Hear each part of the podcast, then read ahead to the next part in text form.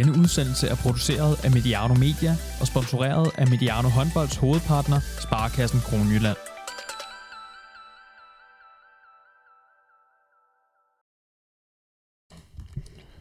Gruppespil er slut. Danmark ud af EM. Det samme med Frankrig. For Danmarks vedkommende sluttede med en uh, lidt ligegyldig kamp mod, mod Rusland, og trods sejren, som i store perioder egentlig understregede problematikkerne under den slutrunde. Uh, vi skal forsøge at sætte nogle ord på den øh, korte danske slutrunde deltagelse, og hvad der eventuelt skal rettes frem mod OL. Jeg tænker, der er et par ting. Øhm, samme måske endda større udfordringer står Frankrig med. Uh, vi snakker... øh, snakker om begge, begge forhåndsfavoritter, som, som røg ud. Øh, det skal vi forsøge at sætte nogle ord på, og i dag bliver de leveret af blandt andet øh, Simon Dahl, som, øh, som er kommet ind her til morgen. Velkommen til dig, Simon, øh, cheftræner i øh, Nordsjælland og assistenttræner for det danske, øh, ja, det, er det ikke 21 landshold? Hedder det ikke stadigvæk det? Ja, vi har startet en ny årgang, så Stefan og jeg er på u 18, men ikke desto mindre tak. Det, ja, Tæt på. Det tæt var, på. det var, det var, det var Plus det der. minus tre. Ja, så, så kommer vi lidt for skidt, skidt i gang igen. Jeg ved, hvor du har været træner, Søren. Det har du fra AG i København og damelandsholdet, og velkommen til dig også. Nu fik du næsten lige uh, præsenteret dig selv lidt. Men øh, den sidste er selvfølgelig Oliver Jørgensen, U15-træner for TMS, twitter og en besiddelse, besiddelse af en fetis for, for håndboldstatistikker. Det er, dejligt at være dig ned, med nede for, for enden af bordet. Ja. Men lad os bare kaste os ud i det. Danmark øh, vinder i går øh, i en kamp, der, der selvfølgelig endte med, med at være lidt ligegyldig, fordi Island ikke kunne, kunne slå Ungarn. Men øh, Simon, lad, lad os bare starte med dig, som, øh, som øh, den nye, nye mand i studiet. Øh, fik Danmark rettet op på noget i forhold til de to første kampe?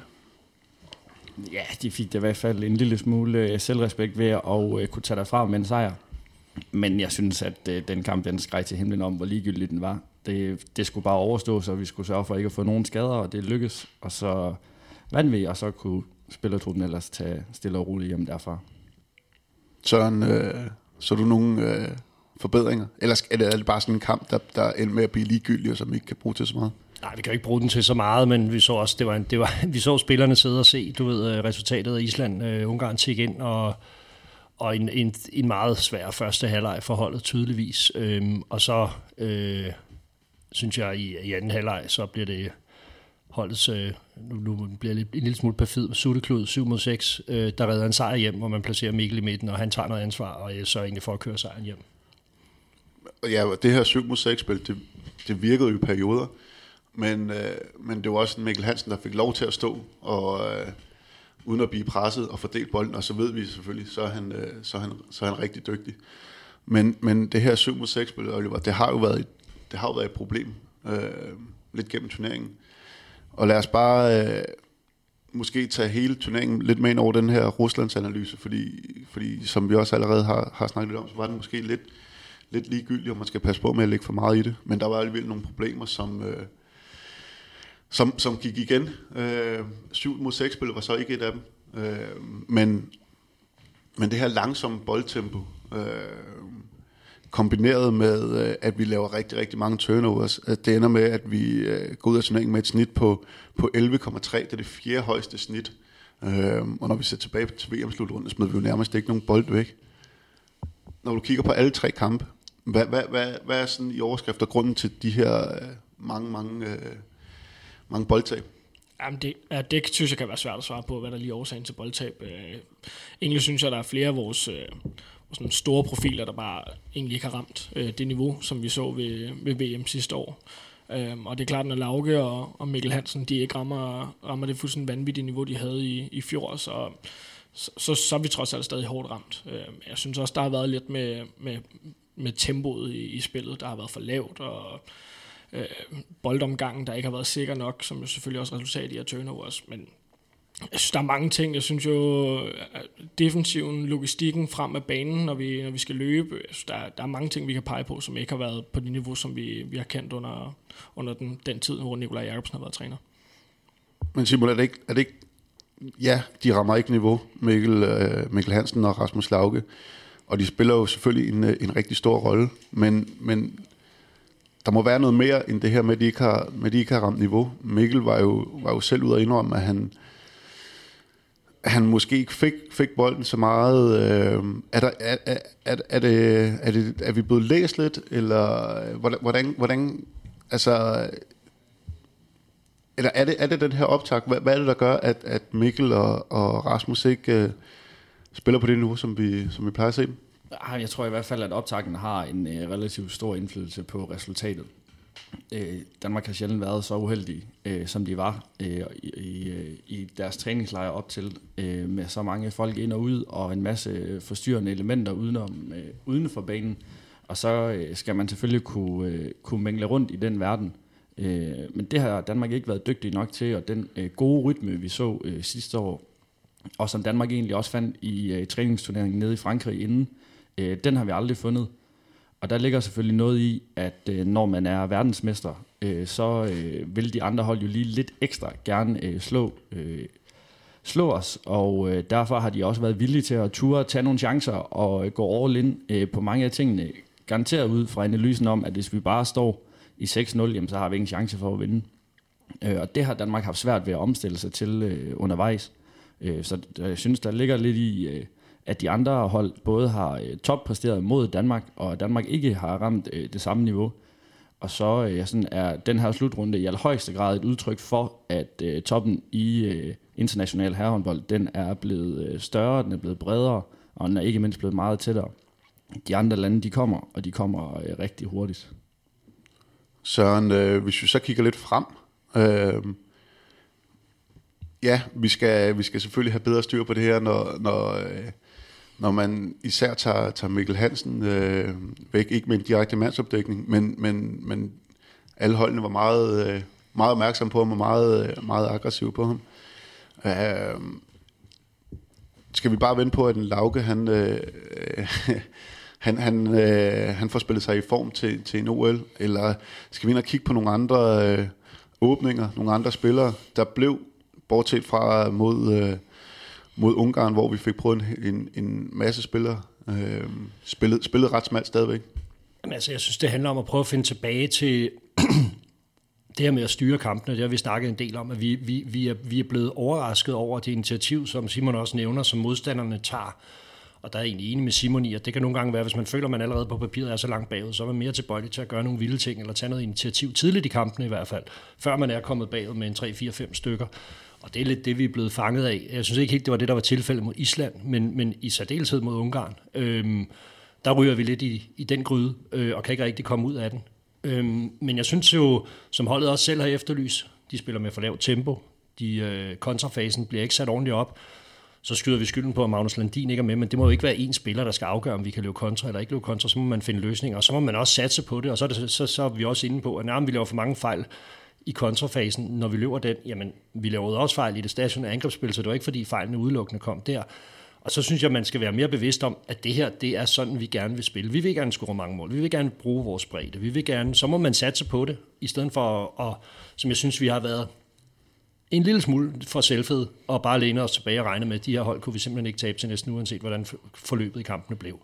Og inden vi får set os om, at indturneringen overhovedet kom i gang, så er vi ude. Øhm, og, og der kan man sige, der er bare ikke, der er bredden i, i, i herrehåndbold bare så stor, at man kan sige, der er, selvom det er jo hold, at alle er enige om, at vi burde slå på papiret, så gør vi det ikke fordi vi ikke er der fra start af, og fordi vi måske øh, tror lidt for meget på egne evner i forhold til sådan noget som 7 mod 6, og, øh, og og, og nogle andre detaljer i spillet, og man kan sige, at kampene falder over på modstandernes fordel. Det er dem, der får lov til at diktere, hvordan de skal spilles.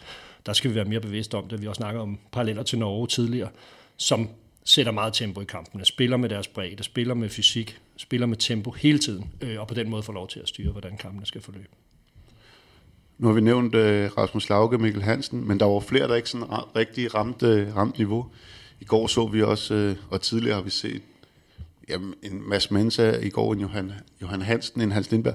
Altså lave sådan nogle helt vilde fejlafleveringer, hvor man bare tænker, det, det, det sker jo aldrig, og det skete bare alene i går, skete det tre gange, bliver det sådan en dominoeffekt, når, øh, når de bedste spillere ikke rammer niveau.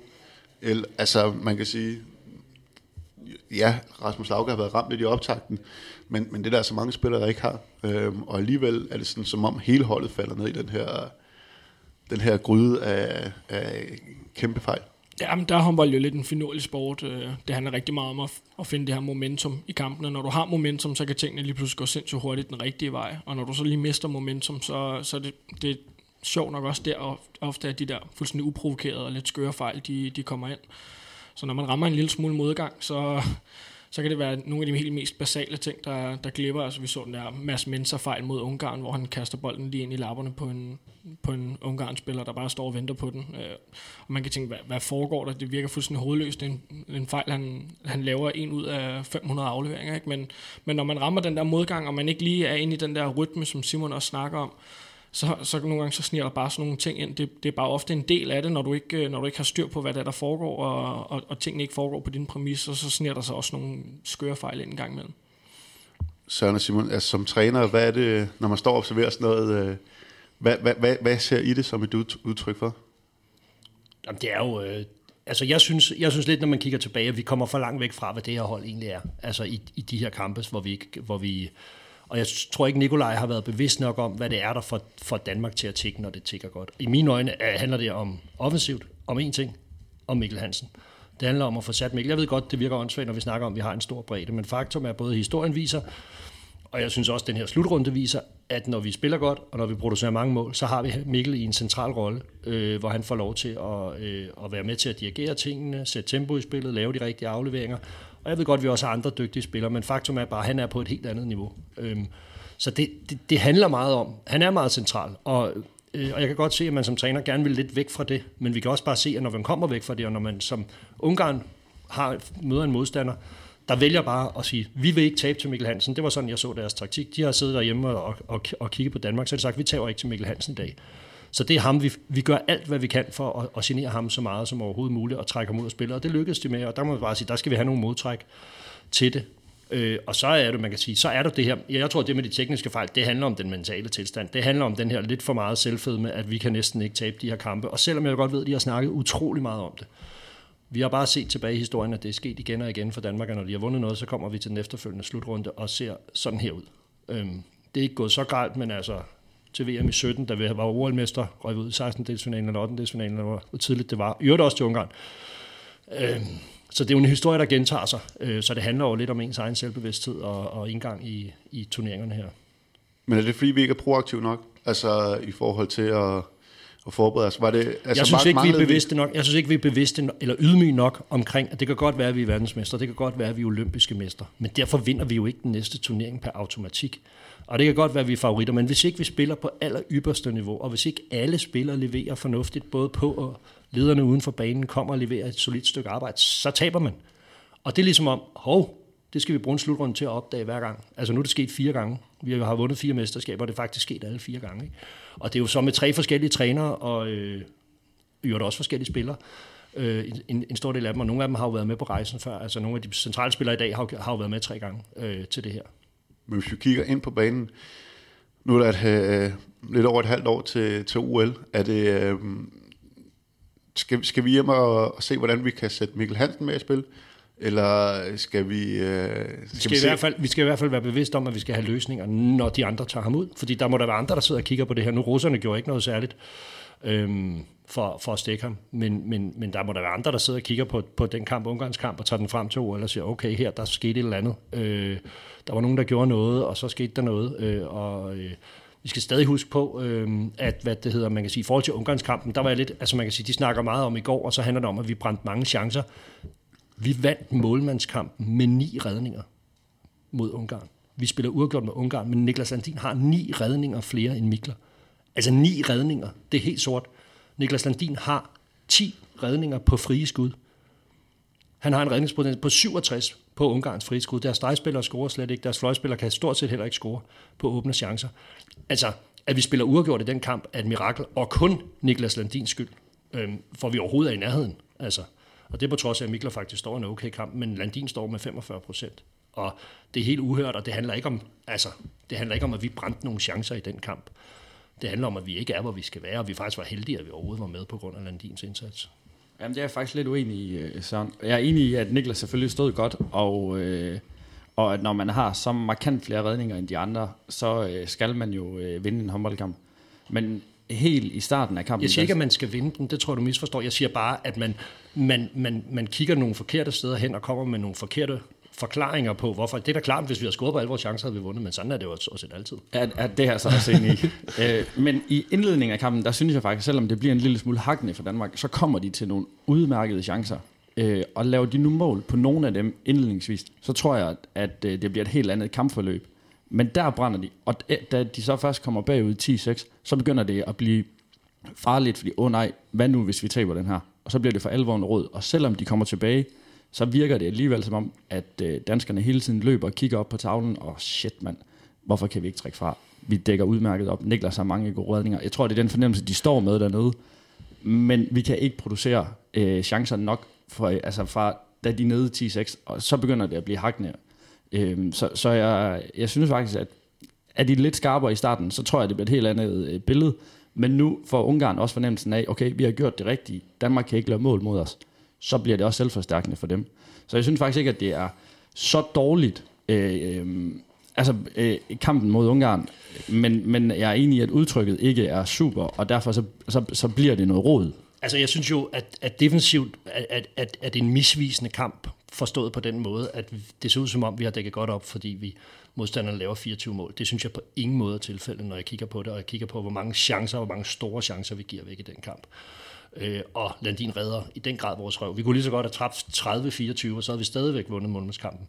Altså, det, det, det, er, det er sådan lidt altså, spillemæssigt, og ikke så, jeg er ikke så resultatfixeret på det, men du kan ret, forløbet kan blive anderledes, hvis man kommer foran tidligt i kampen og sådan noget, og Ungarn måske ikke får succes med den taktik, som de rent faktisk lægger for dagen. Og der synes jeg det har vi ventet vi jo, da vi havde Ungarnskampen her, eller efter Ungarnskampen, omkring nogle af de der ting med for eksempel anden hvor man havde nogle muligheder for at slippe for det her offensive forsvar, hvor vi faktisk scorer nogle hurtige mål, da vi kommer tilbage fra 10-6, hvor vi får nogle anden fase kontra, så er vi lidt uheldige med at misse et par af dem, men, men altså vi skaber gode chancer, det er tydeligt, at Ungarn har ikke styr på, hvad der foregår, når vi forser den fase, men det bliver mere tilfældigt, at vi gør det, og det er ikke noget, vi tør vende tilbage til, fordi der er en eller anden usikkerhed omkring, at vi kan, vi kan, vi kan lave fejl i anden fase kontra. Ja, altså, men, men, men, men det kan vi, har vi jo tydeligvis vist over den her turnering, det kan vi altså også i det, i det stationære angrebsspil. Og fordi vi spillede effektivt til VM, så er det ligesom om, så hviler vi på den der tanke om, at vi kan spille en håndboldkamp og lave fem tekniske fejl. Prøv at høre, det er jo hverken sket før eller siden, at man kan det igennem en turnering. Og jeg vil, altså, det er jo så en personlig påstand, jeg kommer her med. Når man har nogle dommer, der giver en frikast, hver gang man taber bolden, så kommer man bare til at lave utrolig få tekniske fejl på papiret. Og det var måske også lidt af historien til VM. Øhm, og så vi gider ikke sige mere om det, den skal vi ikke bruge i her. Men, men man lader sig lidt narre af nogle ting og nogle tendenser i spillet, synes jeg, som, som, som gør, at vi for eksempel ikke lige pludselig fokuserer på, at vi må ikke lave fejl.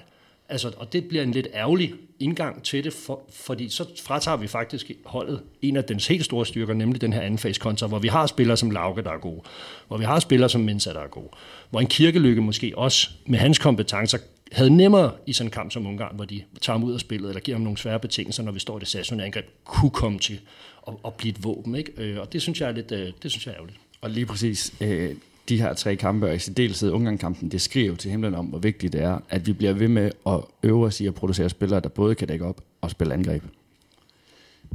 Det ved jeg, du er enig i, Søren. I hvert fald, nu blev det, nu blev det en meget lang Det tror jeg, alle er enige i. Det kan vi jo alle sammen. Ja, ja. Men Simon, du sagde på et tidspunkt det her med, at, øh, at de render og kigger op på tavlen. Øh, når du siger det, så, så hører jeg også lidt, at, at man har haft utrolig høje forventninger til sig selv. Altså, fordi det var jo stadigvæk en, øh, en tæt kamp. Har det været en faktor, at, at man... Søren, du har også, du har også øh, berørt det lidt. Du kalder det selvfedme, men i hvert fald, at man har haft rigtig, rigtig høje forventninger til sig selv. Altså, Det er jo sådan noget, når det går dårligt, så er det selvfed, men når det går godt, så er det selvtillid. Altså, det er jo sådan lidt... Øh, altså, ja. det, det, er jo sådan lidt øh, jeg kunne godt tænke mig at undgå de her... Øh, Ja, men, men jeg tænker også, at altså, alle de danske spillere spiller i øh, stort set internationale topklubber. De er vant til at leve under det her pres. De skal vinde hver gang de spiller, uagtet om det er for Danmark eller for deres respektive klubber. Så, så jeg tror ikke, at presset som sådan er noget, der har tynget dem. Altså, men, men jeg tror da alligevel, at de... Altså, jeg tror ikke, der var mange, øh, mig selv inklusiv, der havde tænkt scenariet, at... Øh, at Danmark skulle ryge ud nu. Altså, vi vidste godt, at det var en svær pulje, og, øh, og øh, Island, Ungarn er øh, to ganske glimrende hold, men man havde alligevel fornemmelsen af, at det skulle Danmark nok få løst. Øh, så jeg tror, det er jo mere det øh, scenariet om, at lige pludselig så gik det op for dem, okay, hvis vi ikke øh, vinder, så, så er vi altså på røven. Øh, og det tror jeg gjorde ondt, øh, også undervejs i kampen, selvom man jo forsøger at holde det ude og forsøger at koncentrere sig om det, man skal, men, men alligevel så, øh, så har det nok fyldt øh, en lille smule undervejs.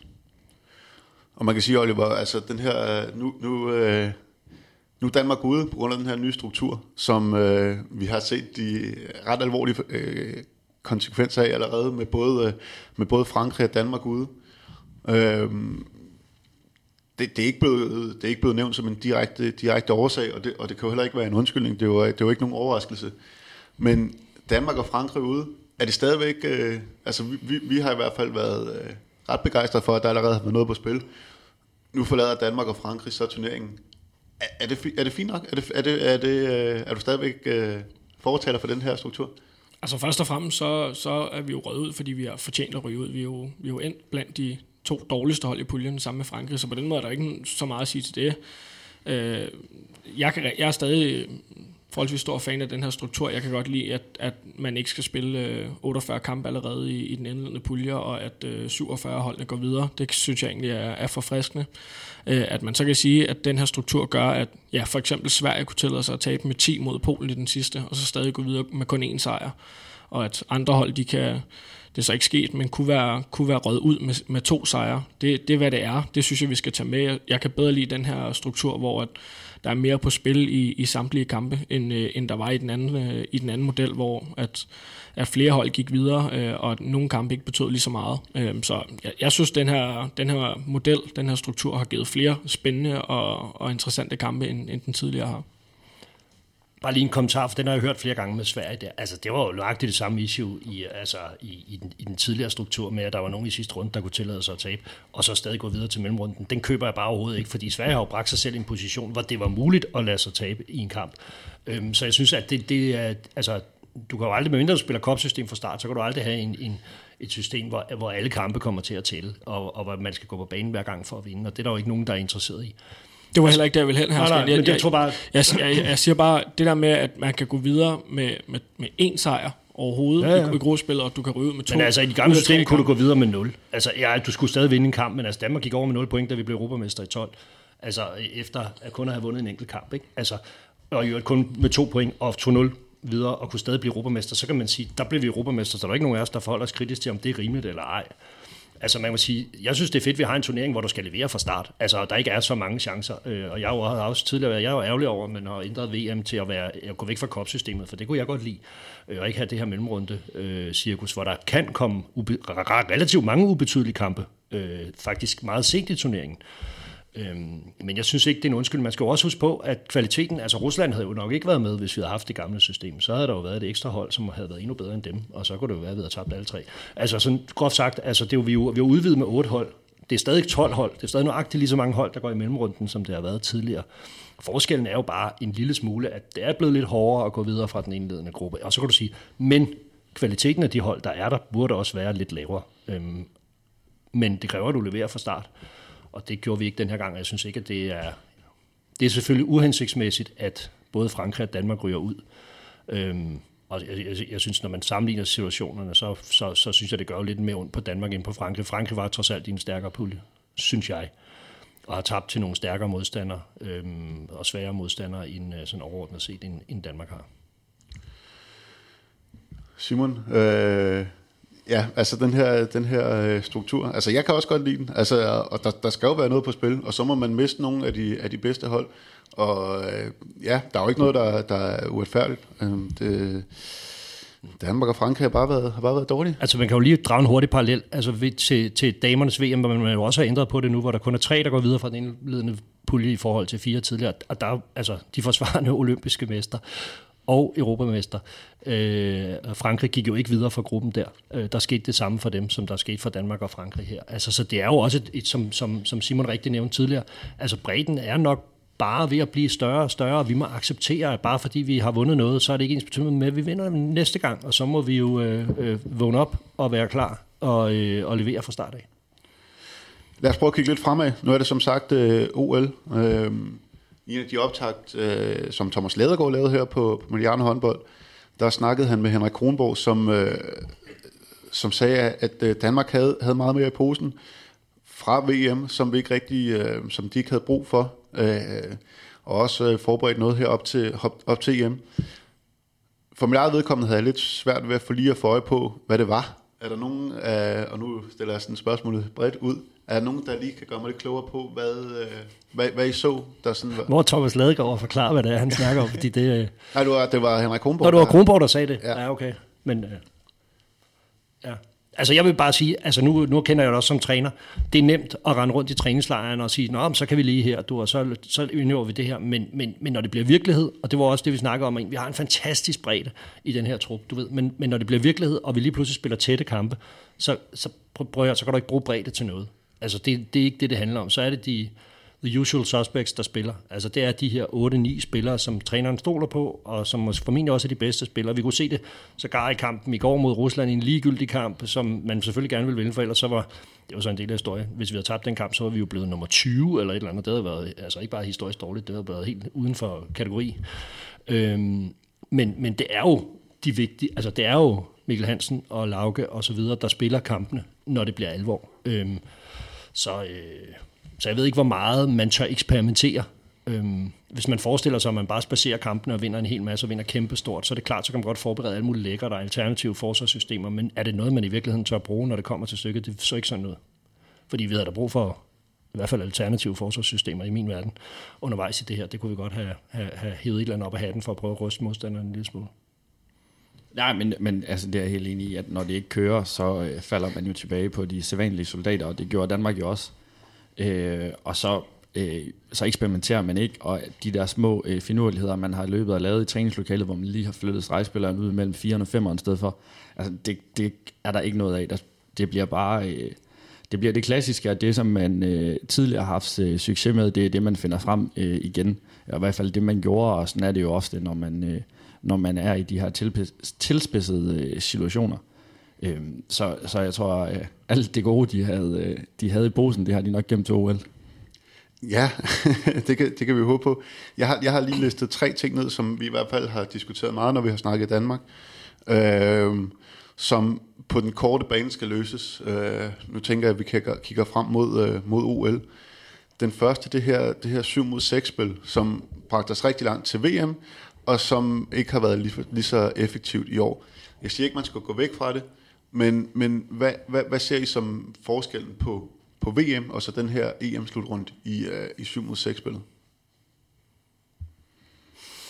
ja, Mikkel Hansens effektivitet. Mm. Øh, ja, det var jo rigtig godt i går, men i andre kampe har det været øh, lidt mere begrænset øh, succesen fra, øh, fra Mikkel. Øh, i går var han primært øh, i midten. Tidligere har han startet trykket fra øh, venstre bakke. Der kunne jeg egentlig godt tænke mig, at vi en gang imellem prøvede at starte det modsat, så det ikke var Mikkel, der skulle starte trykket, men måske i højere grad Mikkel, der skulle øh, afgøre bolden. Men, men bliver det så ikke, altså som jeg ser det, så er det også blevet, det er blevet utroligt, ja, vi har, der er manglet lidt, lidt, lidt tempo også, men det er ikke nødvendigvis det afgørende i, jo, boldtempoet måske, men, men, men det er også, altså jeg synes, vi har haft rigtig mange folk inde centralt. Øh, det, er blevet, det er blevet meget smalt, sådan som jeg ser det i hvert fald, når, når Mikkel også er startet på, øh, på, øh, på venstre bak. Men, men har det have været hans vurdering, at der ikke har været skarp nok? Har der været nogle, øh, nogle ting, som vi har gjort en lille smule anderledes? Eller Altså- er det modstanderne, som... Jeg synes, at, at det, da det fungerede rigtig godt til, til VM, så, så, så handler det jo om at have en, en, en du skal turde være farlig fra distancen også. Og der, hvis, når vi så dem mod Ungarn for eksempel, der bliver det boldflytteri. Hverken Mikkel eller Morten Olsen, når vi spiller det i de perioder der, virker som om, de er interesseret i at skyde. Da vi går over og spiller det i går, og det, jeg synes ikke, det er så vigtigt. Jeg synes faktisk, vi har... Altså Morten Olsen er også en spiller, der kan spille det her rigtig godt, og han kommer aldrig rigtig ind i turneringen, det er vi så enige om, men, men, men, men og da han kommer ind, så virker han som passiv, og som om han er bange for at lave fejl. Altså som om han tør ikke. Altså, og det er jo vigtigt. Den, den, den følelse skal man ikke have, fordi han har et Altså, og i det hele taget, så lad mig lige knytte en kommentar til ham. Jeg synes, det er ærgerligt ikke. Han er måske den mest formstærke spiller, vi overhovedet har med ind i den her slutrunde. Har spillet fantastisk ned i Bundesligaen. Altså, hvor er han? Hvor, altså, ham synes jeg jo, det bliver Damgaard, vi satser på, ikke Morten Olsen et eller andet sted. For meget, synes jeg, i den her slutrunde. Hvorfor får vi ikke ham noget mere at se? Det var bare en kommentar, så kan vi ikke gøre mere ved det. Mm. Men, men, men det er jo vigtigt, at man tør være farlig. Og det synes jeg faktisk, Mikkel, han, han, han kommer jo med opskriften mod russerne her i, i, i, i går hvor han, hvor han tør åbne op for distancen og tør tage de skud, der skal til. Og både Morten Olsen og Mikkel Hansen skal jo ikke bruge, de skal bare have en fod i jorden, så kan de sende et super kvalificeret skud afsted. Underhånd, stående skud, et, et hopskud med hurtigt afsæt. Altså, og man kommer til at spille tæt på forsvaret, men, men hvis ikke man har den der direktehed og tør være farlig, jamen så forsvaret, så kan de bare stå fladt og flytte sig sidelæns. Så det er lidt det, der sker i de første par kampe, synes jeg, hvor vi ikke rigtig er bevidste om det, og Island er også smart og begynder at gå frem i midten og sådan noget, ikke? Øh, øh og lader sig ikke bare flytte sidelæns, men stopper presset nogle gange, når vi har en, en højre hånd på højre bak og sådan noget. Ikke? Øh, så de laver lidt taktiske modtræk imod det. Øhm, men altså, vi skal jo, øh, man skal være bevidst om det. det, igen, det lidt, der mangler bare lige de der 5% skarphed. Altså både op i hovedet på, på spillerne og ydmygheden, og det, det er jo det samme som i alt det andet, synes jeg, der bare mangler i 7 6. Det er jo ikke, fordi de ikke kan, altså, men man skal ville det, og man skal gå på banen og ikke bare tro, at det kommer af sig selv. Jeg synes, Simon er inde på noget af det helt rigtige med, med specielt Mikkel Hansens rolle i det her 7 mod 6. Jeg synes, vi har, vi har set, når det er blevet spillet, at hvis ikke han afgør bolden, så, så dør den lidt. Øh, han skal komme med enten afslutning eller den rigtige aflevering, som så bliver afgjort. Øh, ellers så, så skal vi starte forfra stort set hver gang. Øh, der, og der synes jeg specielt Morten Olsen tidligere har været den der ekstra x-faktor, man kan sige, som har været i stand til at åbne øh, på skuddene øh, efter Mikkel Hansens tryk. Og der har vi jo set, når bolden er inde på højre bakke hos enten, ja, Damgaard har det, har det været, eller, eller Kirkelykke, så er, der, så er der ikke, så er der ikke, det er ikke blevet, bolden er ikke blevet afgjort, øh, så bliver det vendt, og så må vi kigge på Mikkel Hansen igen. Der har vi set, når nogle af holdene, Ungarn med specielt Sivers, der bare vælger at træde det der skridt frem i hovedet på Mikkel Hansen, så skal han slippe bolden videre, og, og så fik vi ikke afgjort bolden, og det er i virkeligheden det, vi gerne vil i 7 mod 6. Vi vil gerne have Mikkel Hansen i den her situation, hvor han skal afgøre det. Men hvis ikke det bliver afgjort på den første bold, så, så synes jeg, så mangler vi nogle løsninger. Men, men ja, det er jeg enig i, men hvis man sådan, jeg tror, at noget af tanken fra Nevlej og øh, Kronborg også har været, at hvis man kigger på, hvor de her spillere de er hen i dagligdagen, og hvad det er, de er så gode til, øh, Michael Damgaard, Morten Olsen, Lauke, øh, Mikkel i særdeleshed, altså de er jo vant til at afgøre bolden i deres respektive klubber. Så jeg tror, at noget af tanken også har været, at kan vi få Mikkel øh, til at lægge et tryk og tage noget opmærksomhed, så er de andre så dygtige, at så kan de øh, nemt, øh, kan, er det nok ikke, men så kan de i hvert fald afgøre boldene. Øh, og det er de jo ikke lykkedes med, og så er det, vi er løbet ind i, i nogle øh, alvorlige udfordringer, fordi at øh, alle de andre, øh, eller dem, som, øh, som er kommet ind og skulle, øh, skulle øh, aflaste og skulle kunne tage nogle af de her øh, situationer, øh, jamen, de er heller ikke lykkes, og derfor øh, er vi endt med at spille øh, relativt smalt. Øh, på trods af, at det heller ikke har været øh, gnidningsfrit. Og så kunne jeg godt tænke mig, og, og det er jo sådan en anden ting, hvis man, hvis man, altså hvis man vil bruge 7 mod 6 så meget som det danske landshold gør, og, og jeg tænker, det, er, det er jo virkelig, altså, et, en, og jeg kalder det lidt en sutteklud, fordi jeg synes, det bliver brugt, så kunne jeg godt tænke mig, at man indimellem bruger det aktivt, i stedet for at vente til det går dårligt med at bruge det. Altså, hvorfor bruger vi det ikke tidligere i kampene, i perioder? Det er jo ikke, fordi vi synes, vi skal spille 7 mod 6 hele tiden, men hvis, man, hvis, man, hvis det er noget, man bruger tid på at træne, og det er det, går jeg ud fra relativt meget, for det er det, man falder tilbage til hver eneste gang, tingene ikke fungerer, jamen så er, det det, vi, så, er det, så er det den løsning, vi søger. Hvorfor bruger vi det så ikke aktivt til at få modstanderne lidt ud af fatning tidligere i kampene, og så bare tage fem minutter her, måske åbne en kamp med det. Bare sige, når vi tør også gøre et eller andet, og så er det os, der får lov til at styre en lille smule, hvad der foregår. Så bliver det ikke kun, når vi er på bagkant, og så bliver det lidt i den her turnering. Nu ved jeg godt, at vi var mere på bagkant, end vi havde håbet på, men, men det kunne være en, en, en alternativ måde at gøre det. I stedet for, at vi venter til vi bad med tre i pausen mod Rusland, hvorfor åbner man så ikke kampen med det og siger, prøv at vi, vi kan det her. Hvordan går det i øvrigt? Så er vi foran med fire, så kan det være, at vi kan få gang i spillet på den måde et eller andet. Øhm, det er i hvert fald en mulighed for at bruge det, man er god til, og det, man prioriterer at træne. Øh, fordi det var også noget med det, at man kan ikke nå at træne alting, men hvis man bruger meget tid på det, så skal man også turde bruge det aktivt i kampene. Jeg synes helt sikkert, at vi skal, vi skal være villige til at forsøge at tage styring i kampen øh, og bestemme tempoet. Jeg synes, det ville være super ærgerligt, hvis, vi, hvis det var 7 mod 6, der blev, der blev, der blev det valg. Øh, for jeg synes, vi har... Jamen, hvis det er det, vi har. Jamen, altså, det, det er jo sådan, men det, det, synes jeg ikke, det er. Jeg synes, Nå, jeg synes lige nøjagtigt, at vi har spillere, der er dygtige til at, at, at, at spille kampe, hvor der er højt tempo. Men, det synes jeg, vi har vist tidligere. Men tag Ungarnskampen, tag Ungarnskampen, og så sige, da de åbner kampen med at gå højt på os, hvorfor venter vi, til vi er fucked med at forsøge at spille 7 mod 6? Altså, hvorfor gør vi det ikke? Fordi så kan de ikke dække sådan. Så siger vi, prøv at høre, det der, det gider vi ikke. Nu spiller vi sådan her. Ja, jeg. Altså bare sådan for at sige, jamen det er vigtigt for at styre kampen, for at, at komme med et klart signal til modstanderen. Så kan du trække væk fra det igen, så kan man se, om de går tilbage til det. Men er Ungarn lige pludselig bagud, så er det måske sværere at lave de der taktiske ting. Jeg synes, at, at man skal turde være proaktiv med nogle ting, og der kommer vi for meget, i hvert fald i den her turnering, på bagkant med. Altså, de andre har jo læst os, de andre har jo set, hvad vi er gode til. Så gør de et eller andet, som de lykkes med. Fint, og så kommer vi ikke rigtig med Så venter vi til vi er seriøse problemer, og så bliver det. Det er jo først, når vi er badet med 3 mod Island, vi spiller 7 mod 6. Det er først, når vi er nede mod Ungarn, vi spiller 7 mod 6. Det, det er hele tiden, det er først, når vi er badet med 3 mod Rusland, vi spiller 7 mod 6. Og hvis det er det, vi er gode til, og hvis det er det, vi prioriterer som løsninger på vores problemer, så skal man også ture tage det frem. Så det er ligesom alternative forsvarssystemer. Det skal man også nogle gange bruge når man ikke er i problemer, for at det kommer til at virke, og for at man kan tage styringen i kampen. Og der bliver vi lidt for tilbagelænet, synes jeg, i, i, i den her EM-turnering.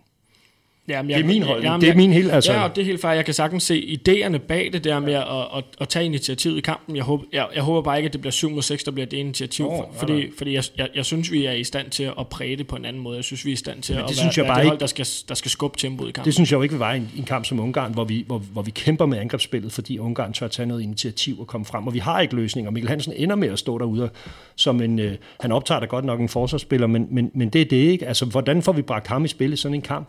Jamen prøv at høre, hvis det er ham, der skal afgøre det, så må det blive 7 mod 6, fordi lige nu kan vi ikke. Der står han bare her, og så taber vi kampen.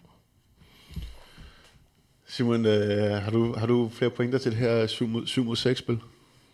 Nej, altså, jeg tænker, at vi har været øh, fint omkring, og jeg synes jo, at der er masser af muligheder i det, og, øh, og både Nikolaj og, og Henrik har jo også i deres øh, tid i respektive Regnek og Løven og senest i Skjern været sådan rimelig proaktive i forhold til at tage øh, noget initiativ og starte kampe, eller rimelig hurtigt spille et par bolde 7 mod 6 for at få sådan lagt en dæmper på, på modstanderen. Øhm, så, så jeg synes jo, Søren han er inde på noget, at det kunne være en, øh, det kunne være en fin måde, undskyld, en fin måde at se, om man kunne, øh, man kunne vinde lidt initiativ på, eller komme til at styre tempoet lidt mere øh, på den måde.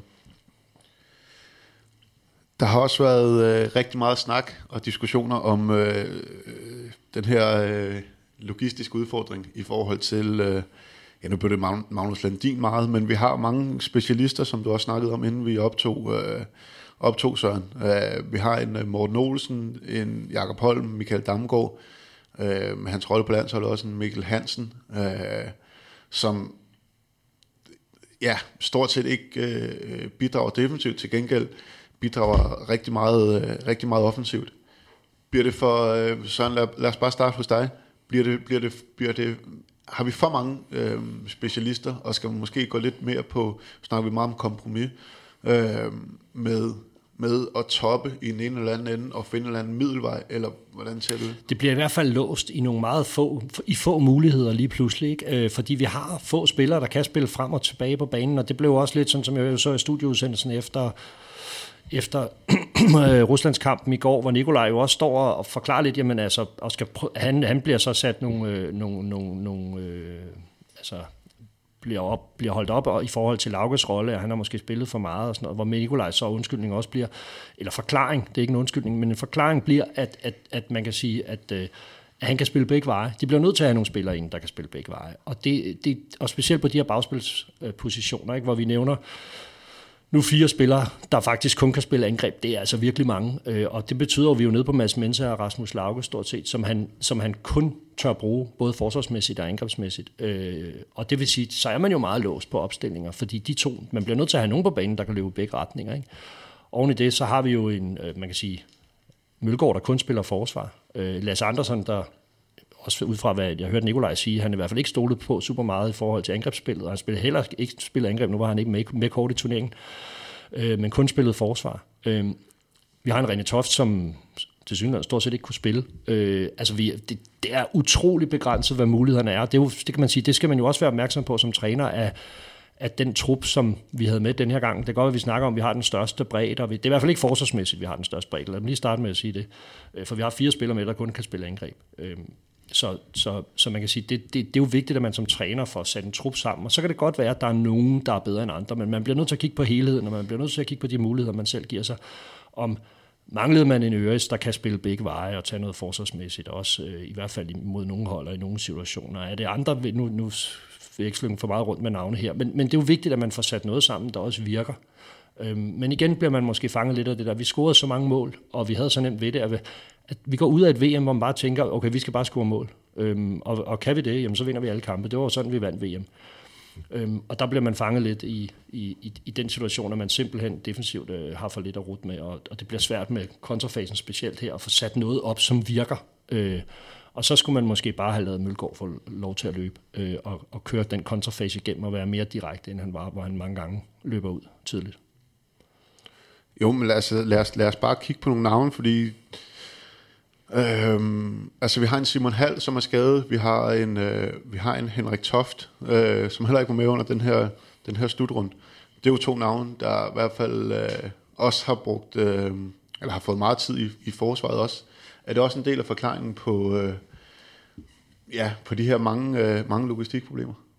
Altså nu er de selvfølgelig stregspillere, det ved jeg godt, men, men, men vi, var, vi har også været lidt inde på... Øh... Stregspillerne er den vigtigste på banen, det skal du huske. Nå, ja, men det, altså, det er jeg som sådan enig om. Nu snakker vi bare meget, øh, meget bagspillere. Men det er selvfølgelig noget, og det betyder selvfølgelig noget, øh, at de to ikke er med, fordi de har taget et stort øh, læs inde i, øh, inde i midterblokken, og øh, selvom Savstrup øh, har gjort alt, hvad han kunne, og han kæmpede øh, forbilledeligt, så, øh, så er det hans første slutrunde, og øh, det er bare specielt at være afsted første gang, og Savstrup skal nok komme, det er jeg slet ikke i tvivl om. Øh, og Zachariasen har haft det svært, når han har fået lov at dække op, øh, så lige pludselig har vi været ret begrænset af tre af forsvarsspillere. Øh, også fordi vi ikke har nogen øh, lige nu i hvert fald, der øh, både øh, kan, altså der kan spille begge veje, som kan dække træer, øh, eller få lov til det. Øh, så, så derfor er der selvfølgelig en masse udfordringer i det, og vi har jo været utrolig afhængig, og det har vi jo snakket, eller det er der blevet talt en del om med Magnus Landin, men hans rolle er jo sådan øh, for alvor, øh, at der er blevet for alvor blevet sat en streg under, at øh, han er godt nok øh, vigtig for det her danske landshold.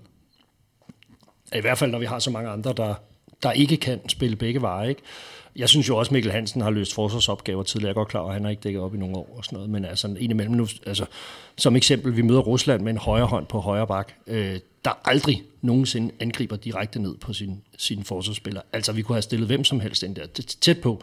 Altså, det, det er ikke sådan super vigtigt, og der synes jeg, der er mange, der kunne løse den forsvarsopgave, der lå i den kamp.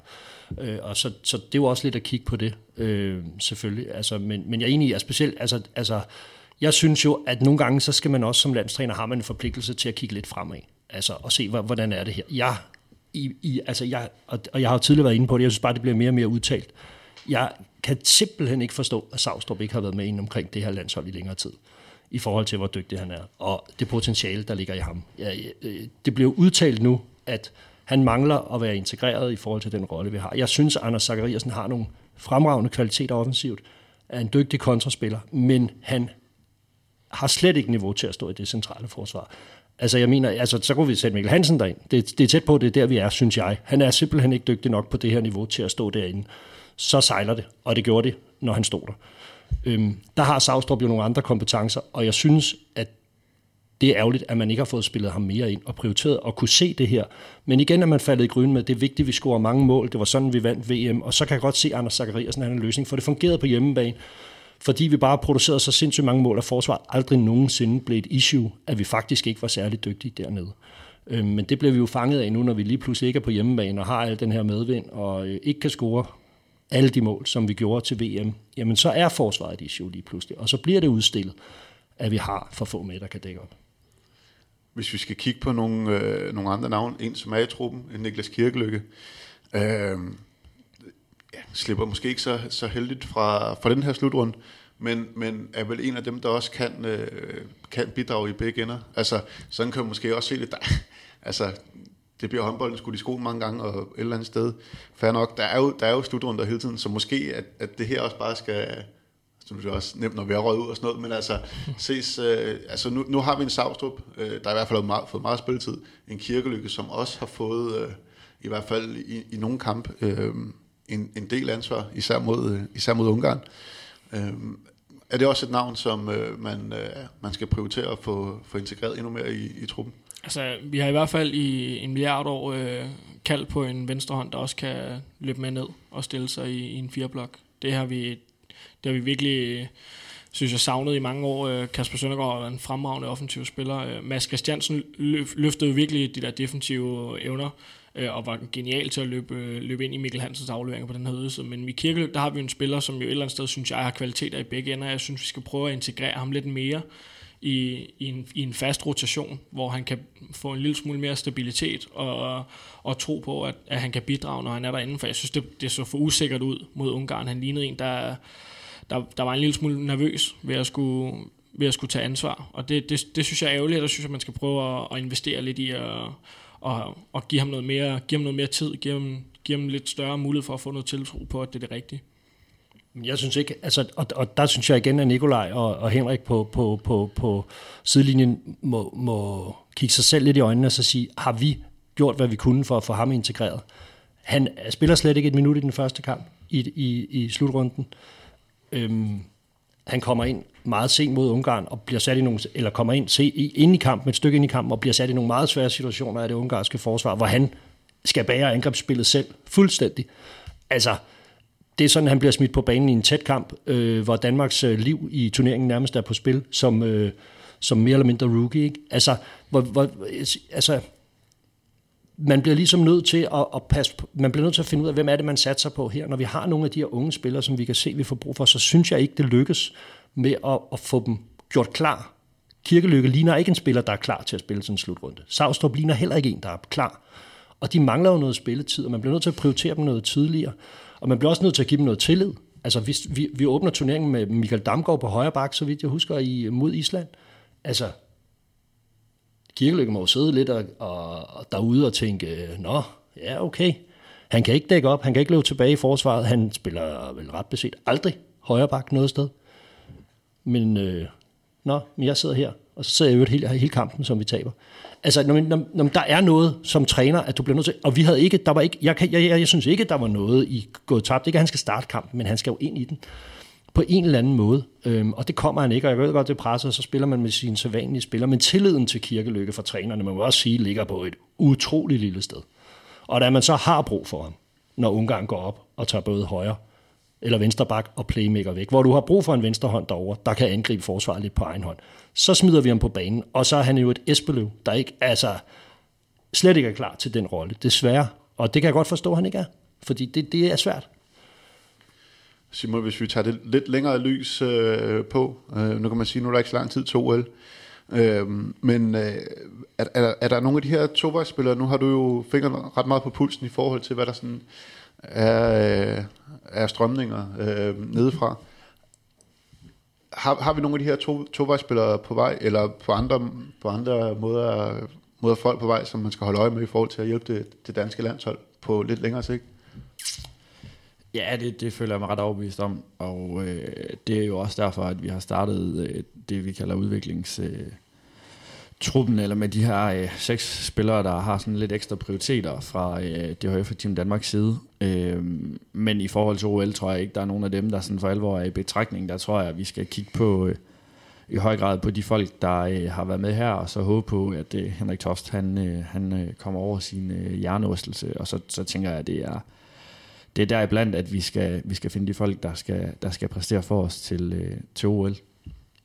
Er det noget, I har meget, øh, meget fokus på i omkring øh, talentudvikling og udvikle, og udvikle tovejsspillere, eller kigger man mere på spidskompetencer, som skal udvikles, eller hvordan, hvordan, hvordan bliver det egentlig grebet an? Ja, men altså, vi, vi kigger jo selvfølgelig på øh, spidskompetencer, men vi vil gerne øh, have folk, der kan spille begge veje, og derfor prioriterer vi jo også øh, særligt på, i hvert fald altså på det yngste landshold, der øh, skifter vi jo ikke forsvar angreb, øh, og vi øh, spiller heller ikke 7 mod 6 og sådan nogle ting. For at det er en helt klar, klar, helt klar princip. Ja, det er et øh, princip for os, og øh, det holder vi sådan, øh, det holder vi fast i, øh, fordi det, vi synes, det er vigtigt, at de skal have muligheden for at lære at kunne øh, spille øh, begge veje, og når øh, vi arbejder med 16-17-årige øh, unge øh, håndboldspillere, så øh, er det umuligt at spå om, hvem øh, der øh, om 10 år øh, egentlig kan øh, blive en god øh, forsvarsspiller. Så vi skal i hvert fald ikke, vi skal i hvert fald ikke være dem, der, øh, der beslutter, at du kan ikke dække op, når, øh, når de er øh, så unge, som de er. Så derfor skal de have lov til at dække op, og de skal have lov til at prøve, hvad er det, øh, altså sådan at forstå, hvad er det at stå med den her øh, stregspiller fra Ungarn, øh, som øh, allerede som 18-årig vejer 102 kilo. Øh, hvad, hvad er det for noget? Hvad er det, vi taler om, når vi siger, at øh, man i international håndbold, også på, øh, på ungdomstiden, må øh, gå lidt hårdere til hinanden og finde ud af, at du får ikke et billigt frikast, øh, og øh, hvis du ikke takler hårdt, så, øh, så laver de andre mål. Øh, så, så alle de der erfaringer skal de have lov til at gøre sig, de skal have lov til at opleve det, øh, for at vi forhåbentlig øh, over tid kan udvikle nogle flere, der kan begå sig i øh, begge ender. Men vi er samtidig også meget bevidste om, at har vi nogen, der har nogle øh, helt exceptionelle spidskompetencer, så skal vi selvfølgelig også styrke dem.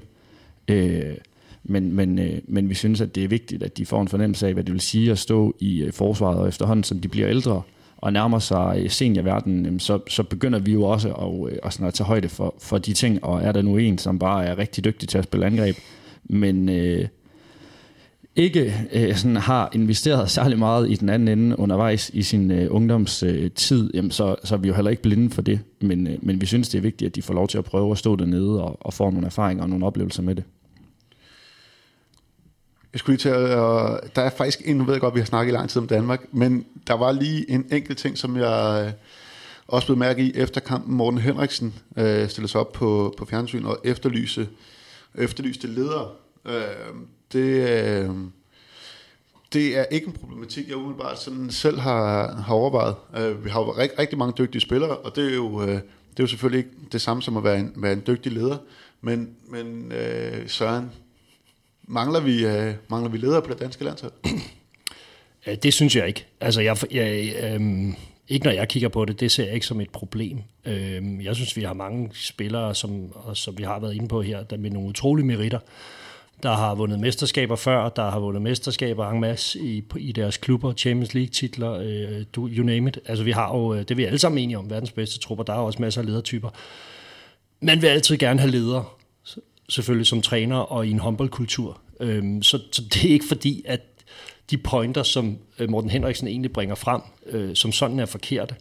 Men jeg skal lige love for, at det var et underligt tidspunkt at bringe det til tors. Øhm, altså, det er jo en øh, desorienteret elefant i en glasbutik, der banker rundt og øh, gør sig uvenner med alt og alle. Øh, helt malplaceret. Altså, i min verden, fuldstændig malplaceret øh, kommentar og, øh, og, og på det tidspunkt, efter Danmark lige råd ud, og vi har verdens bedste hold, er alle enige om. Men derfor kan man også have en dårlig dag, og det har vi jo så bevist her.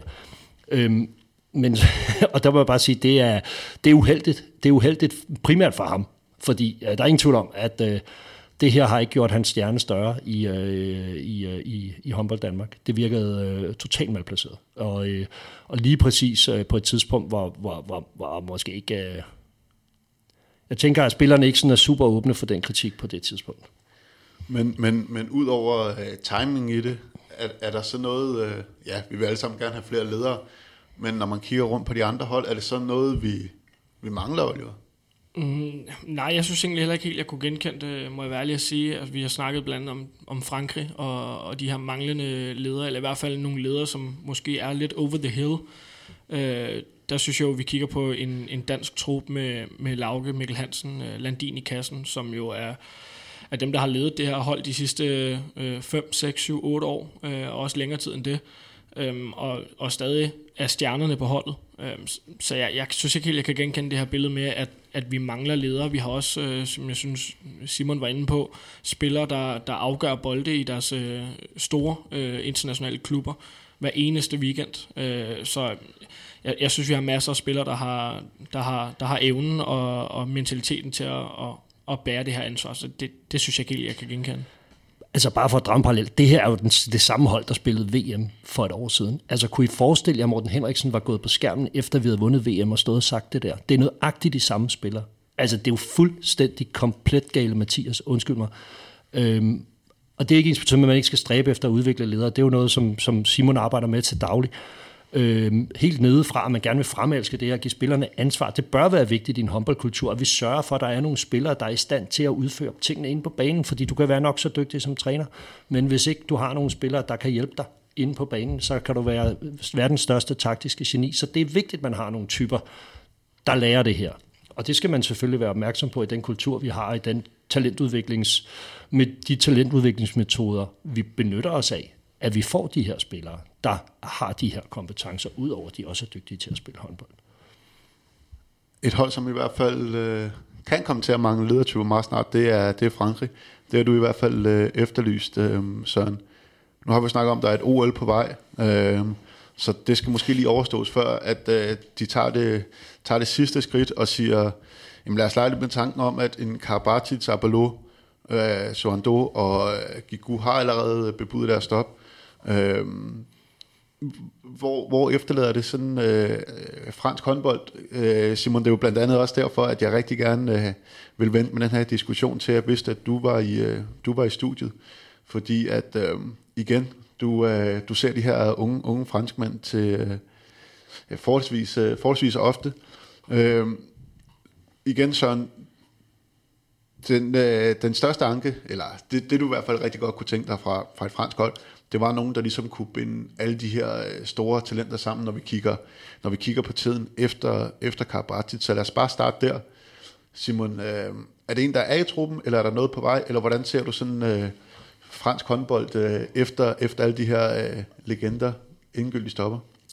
Ja, men jeg er øh, ikke så bekymret for fransk håndbold. Øh, de har i en overrække leveret øh, rigtig fint og arbejder jo enormt struktureret med deres talentudvikling og har øh, øh, gjort det rigtig fint på øh, ungdomsniveau og har også haft sådan øh, nogenlunde succes med øh, at integrere et par stykker af dem. Og øh, så derfor synes jeg, at, at, at Frankrig er, øh, er, er godt på vej, og så er jeg med på, at det her det har været... Øh, det har nok ikke været det EM, de drømte om, og jeg tror, at sådan den gamle garde, de øh, får i hvert fald lov at spille OL i kvalden, og kvalificerer sig formentlig, og så slutter de efter øh, OL.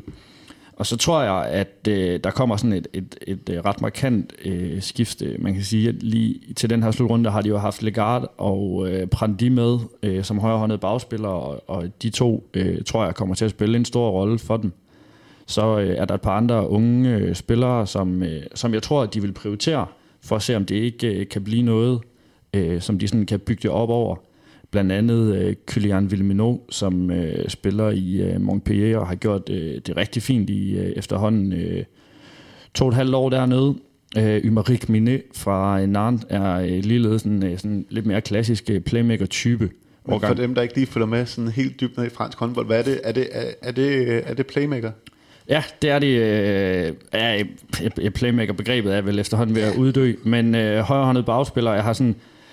Jeg har noteret de fire, som jeg tænker, det bliver de fire højrehåndede bagspillere, der primært øh, skal, øh, skal, skal sådan, øh, trække det læs øh, for dem. Øh, det tror jeg i hvert fald, at det sådan bliver dem, de vil bygge det op omkring. Og det er øh, to øh, årgange 97, to årgange 98, så det er også nogen, der er noget fremtid i.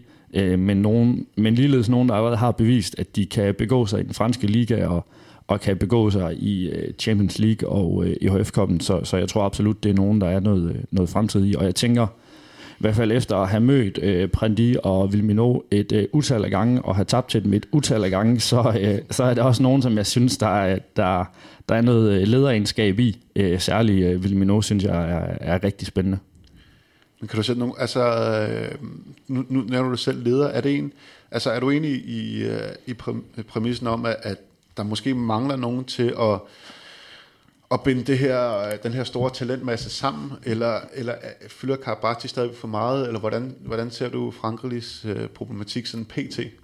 Jo, øh, men der tænker jeg, at øh, Karabatis han øh, jo fylder en del, og har jo øh, sådan, øh, over de sidste par år haft svære og svære ved at afgøre øh, boldene øh, med positive øh, udfald, som øh, i hvert fald i forhold til tidligere, og derfor ser man jo også i PSG lige nu, at når det når det rigtig spidser til, så er det jo primært Sander og Mikkel, der skal, øh, der skal afgøre boldene, og det er der jo en årsag til. Øhm, så Karabatis han fylder øh, jo stadigvæk rigtig meget for Frankrig, og har, har haft det svært, og øh, jeg tror, at, øh, at hans øh, sådan, øh, velmagsdage, de, sådan, øh, de er godt på vej øh, ved at være overstået, og, øh, og, og sådan er det jo, det er jo det jo, gør jo ondt at kigge på, fordi han har betydet så meget, men, men, øh, men sådan, øh, det er jo en naturlig del, og derfor tror jeg, at øh, OL bliver hans øh, sidste slutrunde for Frankrig.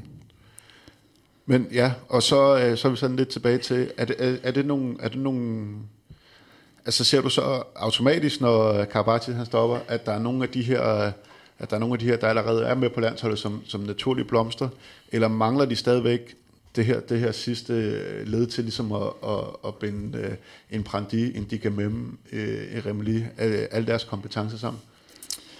Ja, men undskyld, sådan, sådan spiller de jo i Frankrig. Altså, øhm, der er jo ikke de store forkromede aftaler. Så Frankrig spiller næppe, eller kommer næppe til at have en kamp, hvor de spiller øh, Barca venstre 17 gange.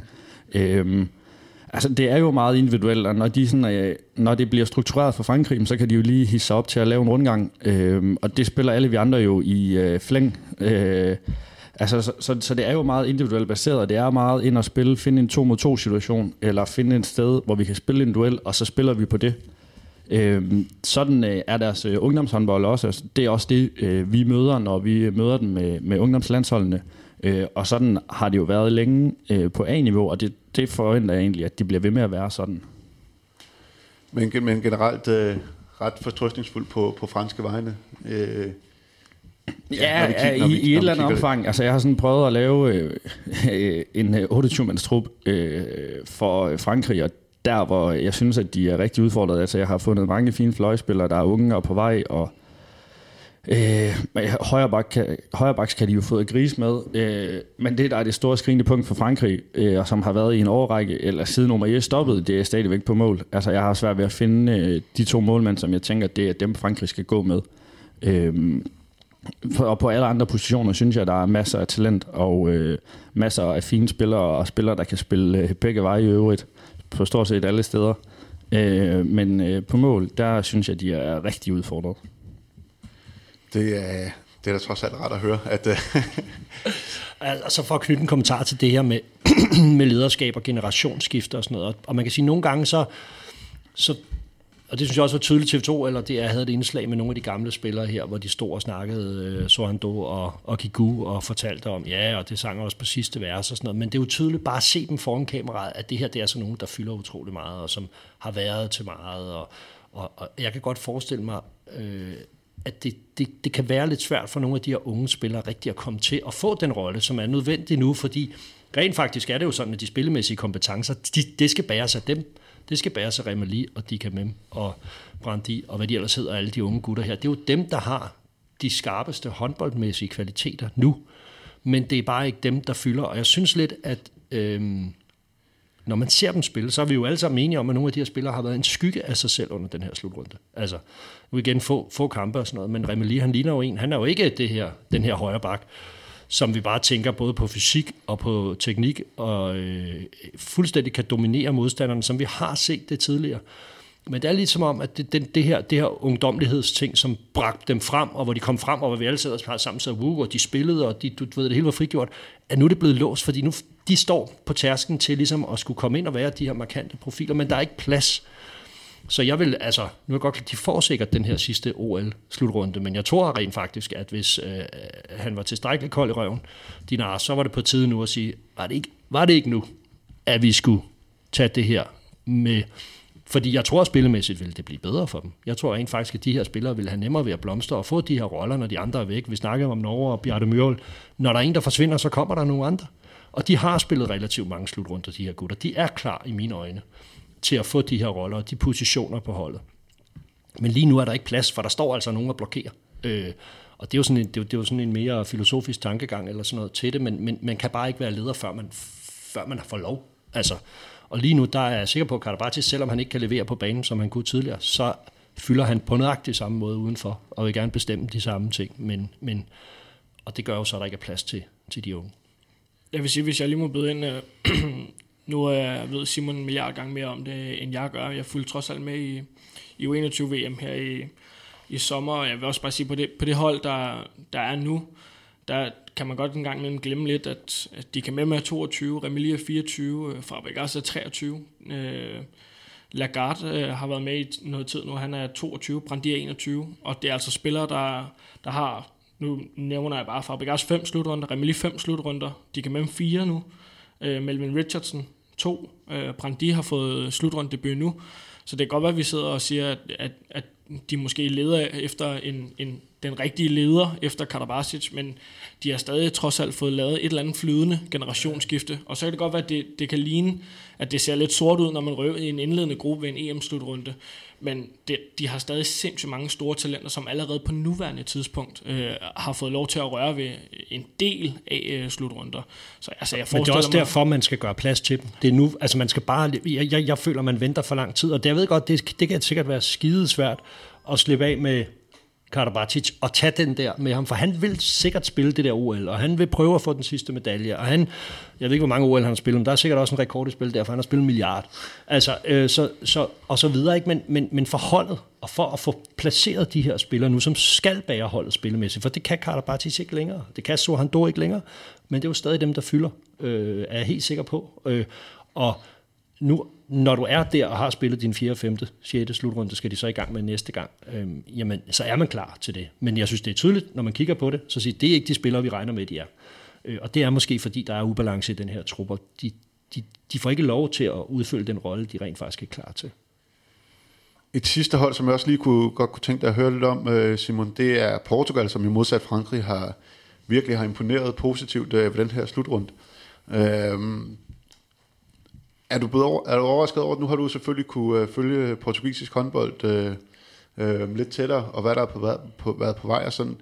Øh, vi, vi, altså, vi, har jo, vi har jo set tendenserne, men, men er du overrasket over, at portugisisk håndbold allerede nu, eller A-landshold allerede nu, er i en position, hvor øh, at, at de spiller op med de, med de allerbedste hold? Øh, det er jo selvfølgelig gratis at sige nej. Det har jeg selvfølgelig set, at de vil slå Frankrig. øh, men øh, ej, jeg, var lidt, jeg var noget overrasket over, at de kunne slå Frankrig, særligt efter, at de havde slået dem en gang. Så troede jeg, at øh, Frankrig de var forberedt på det, de skulle møde. Øh, I hvert fald noget bedre forberedt, end det lignede, de var. Øh, men jeg er ikke overrasket over, øh, sådan at Portugal er, for alvor er ved at bide sig fast. At der, øh, der er kommet øh, rigtig god struktur på deres talentudvikling, og øh, det rigtig gode kul, de havde øh, for efterhånden 10 år siden, at det er jo sådan dem, der, øh, der nu øh, trækker læsset, og så kommer der øh, både med 98-99 årgangen, kommer der rigtig mange spændende øh, spillere, og deres 0-0-0-1 årgang øh, har også et par øh, spillere, som jeg øh, har sådan rimelig store forventninger til. Øh, ikke øh, nu naturligvis, men sådan over en 5, 6, 7 år, så tror jeg, at, øh, at Portugal er, øh, er et hold, der sådan, øh, virkelig er øh, på vej. Og det har de jo bevist, og, øh, og øh, så, så, så jeg synes egentlig bare, det, at Portugal nu også er en del af det, øh, sådan bekræftet noget af det, vi talte om tidligere, at øh, toppen bare bliver tættere og tættere og bliver bredere og bredere, og øh, vi har nogle gange, øh, vi har jo helt vanvittige høje forventninger til øh, os selv herhjemme øh, med rette. Og nogle gange så glemmer vi øh, lidt sådan i vores begejstring, at øh, de andre lande, de øver sig også, og øh, forsøger også at gøre sig umage med tingene, øh, og har investeret rigtig meget i øh, deres talentudvikling. Øh, og det er sådan det, de begynder at få afkast af nu. Hvad, det, det her 7 mod 6 spil, som er fyldt utrolig meget, er det også noget, man arbejder med? Øh, er det sådan helt klassiske portugisiske typer, dem der også er, altså er det de samme typer, som også er på vej, og er det samme måde, de spiller på i, øh, i, i øh, på ungdomslandsholdene? Nej, der, der, der, undskyld, der har de ikke øh, spillet så meget øh, 7 mod 6, faktisk der har de været meget, øh, rigtig meget 6 mod 6, Øh, men øh, men når man har fulgt lidt med i Porto, så øh, har man jo set, at de har, øh, de har spillet en del 7 mod 6, og størstedelen af holdet kommer jo derfra, så, så det er jo ikke så fjern for dem.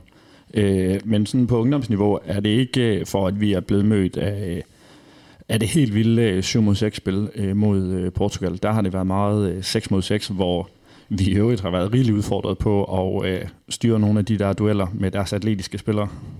Så, så typerne er stadigvæk lidt, lidt, lidt af det, vi ser nu på A-landsholdet? Ja, absolut. absolut. Nu starter øh, mellemrunden jo senere i dag, og øh, nu snakket rigtig meget Danmark-Frankrig, som faktisk er ude. Så det kunne være, at vi også lige skulle bruge lidt tid på at snakke om nogle af de hold, der faktisk stadigvæk er med, og som har chancen for at vinde, øh, for at vinde slutrunden. Øh, og det er selvfølgelig også nogle, der vi kommer til at snakke rigtig meget om øh, øh, her i, i, den, i den kommende tid, eftersom øh, som Danmark øh, ja, de er ude. De er væk. Det første, det første hold, som, øh, som lige øh, springer i øjnene, er selvfølgelig Norge. Øh, dels kvæg deres øh, flotte VM-slutrunde, og, øh, og de har også gjort rent bord til EM indtil videre. Øh, og har et eller andet sted formået at gøre det, som Danmark ikke kunne, at de har stort set kørt videre i, i samme rille som efter, efter slutrunde, øh, sidste slutrunde, men øh, man har selvfølgelig haft lidt mere succes med det end Danmark. Øh, Sargosen har været suveræn. Øh, Bjarte Myrholds fravær har ikke været så, øh, så tydeligt, som vi måske havde, øh, som vi måske havde, havde frygtet, så har det været måske en regnkind, der har op, overtaget øh, Magnus Røds rolle lidt mere i angrebet. Magnus Rød har også spillet en god kamp, men, men har fået, øh, har fået regnkind med. Derudover ligner det rigtig meget øh, det hold, som også, øh, som også spillede en flot VM-slutrunde. Er øh, Oliver Norge, er det, øh, er det øh, på din øh, power ranking, som du sidder og opdaterer hver morgen, øh, hvor ligger de den der? Altså, de startede med at være, være et af de hold, jeg, jeg troede ville få det svært. Øh, fordi jeg faktisk synes, de spiller øh, rigtig meget med de samme spillere, når det, når det gælder lidt af Danmark. Og der har de bare nogle spillere, som, som allerede nu har haft en, en halvhård sæson og har spillet mange minutter og virker, synes jeg, en lille smule slidte. Det har de jo fuldstændig øh, fået gjort til skamme, den, øh, den tese, jeg havde der. Øh, og nu har de nu er de kommet videre fra den på papiret sværeste pulje, der var. De er kommet videre med to point, og så har de samtidig øh, fået både øh, Frankrig og Danmark ud. Øhm, så de, jeg synes, de står øh, rimelig favorabelt lige nu i, i den her mellemgruppe. Ja, det er jeg meget enig i. Altså, de, de er jo meget afklaret i det koncept, de spiller, og øh, afviger ikke fra det på nogen som helst måde. Øh, går all in på, øh, på kontraspillet, hvor de har rigtig mange dygtige spillere. Øh, og når øh, de er i det stationære, så er det jo lagt op til, at Sander han skal øh, vinde en duel, og så, øh, så tager vi det derfra. Og øh, det er det jo lykkedes rigtig fint med. Og øh, så synes jeg, at øh, de har fået Torbjørn Bergrud godt i gang, og så med det efterår, Sevos han har leveret i Aalborg, så er jeg også ret overbevist om, at skulle der blive brug for ham en gang mere, så øh, er han også klar. Så jeg synes, de har to dygtige målmænd, øh, som kan være med til sådan at sparke noget liv i deres øh, kontrafase, som er den, der skal, der skal bringe dem helt til top, hvis det skal lykkes. Der må man bare sige, at øh, Christian øh, O'Sullivan er lidt en unsung hero på det her hold, øh, specielt i den her anden bølge. Jeg synes, han er helt fremragende. Og så kan det godt være, at det er Sargosen, der, der skal afgøre mange af boldene, og, og Harald Rankin, der også ender med en del af afslutningerne. Men det er jo Sullivan ligger og laver øh, de brud, han kommer med, den, øh, det tempo, han skaber i bolden, det, det er fremragende og altafgørende for, for specielt den her anden bølge. Øhm, så virkelig, virkelig en dygtig spiller, de har der også, selvom det ikke øh, altid bonger ud på statistikkerne. Og så har jeg noteret mig, at det er suverænt det hold, der er bedst til ikke at give bolden til et andet hold. De har uh, lige over fem uh, turnovers per kamp. Det, det er faktisk næsten to færre end, uh, end nummer to på listen, som jeg mener var, var Kroatien. Det vidner vel selvfølgelig om et dygtigt hold, men også som et hold, der er meget afklaret i, i hvad de gør. Nu nævnte vi, nu nævnte vi Danmark, som, øh, som lidt overraskende lå helt op som, øh, som dem, der var, var fire dårligst til at passe på bolden. Øh, er der mere, vi kan læse ind i det, øh, Simon? Nej, men jeg, altså, det var, Danmark lå, øh, hvis jeg husker rigtigt, til VM sidste år på et snit lige omkring de fem også. Øh, så, så det er jo noget, der tyder på, at kan overholde det, så er det jo øh, et mesterskab top øh, snit, de har gang i. Og, øh, og alene det, at man laver få tekniske fejl, og dermed får afgjort og afviklet øh, stort set alle sine angreb, jamen det gør jo, at, øh, at man også fjerner ofte modstanderens kontraspil, øh, og kan komme hjem og stå, og der, der er de dygtige i Norge. Spanien også et, en af forudfavoritterne, der, der, øh, der har klaret sig videre til mellemrunden. Øh, det mest scorende hold øh, har spillet tre rigtig, rigtig gode kampe. Oliver, du havde også store forventninger til dem inden, øh, inden slutrunden. Er der noget, som har overrasket dig, eller har det bare været... Øh, har, har, har Spanien bare... Det er selvfølgelig et dygtigt hold. De har også været i en, øh, i en øh, overkommelig pulje, især når man ser på, hvad... Øh, hvad Tyskland har, øh, har kommet med til, det her, til, til den her slutrunde.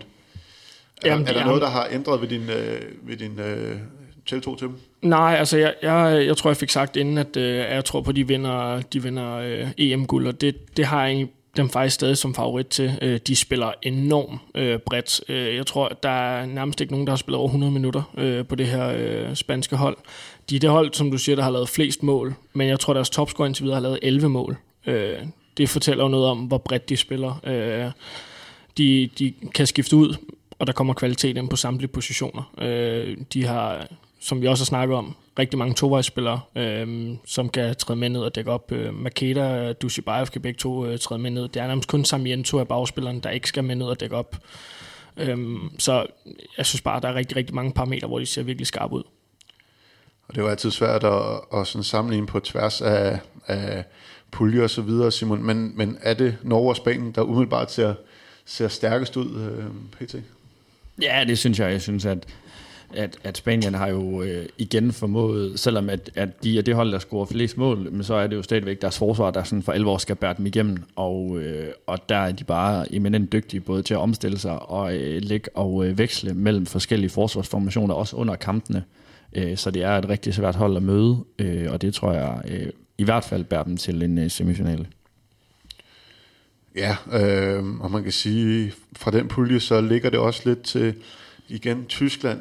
Dem, dem, hvor, hvor, hvor ser vi dem? Nu har jeg faktisk ikke skrevet med på listen over hold, vi skal snakke om. Jeg, øh, det ser ud som om, at de er for hårdt ramt af skader, og øh, har bidraget yderligere til deres øh, notoriske problemer i, øh, i hvert fald med, med, at, med at fremælske de her rigtig, rigtig øh, dygtige, dygtige angrebsspillere, hvis vi ser bort fra en, øh, fra en Uwe Gensheimer.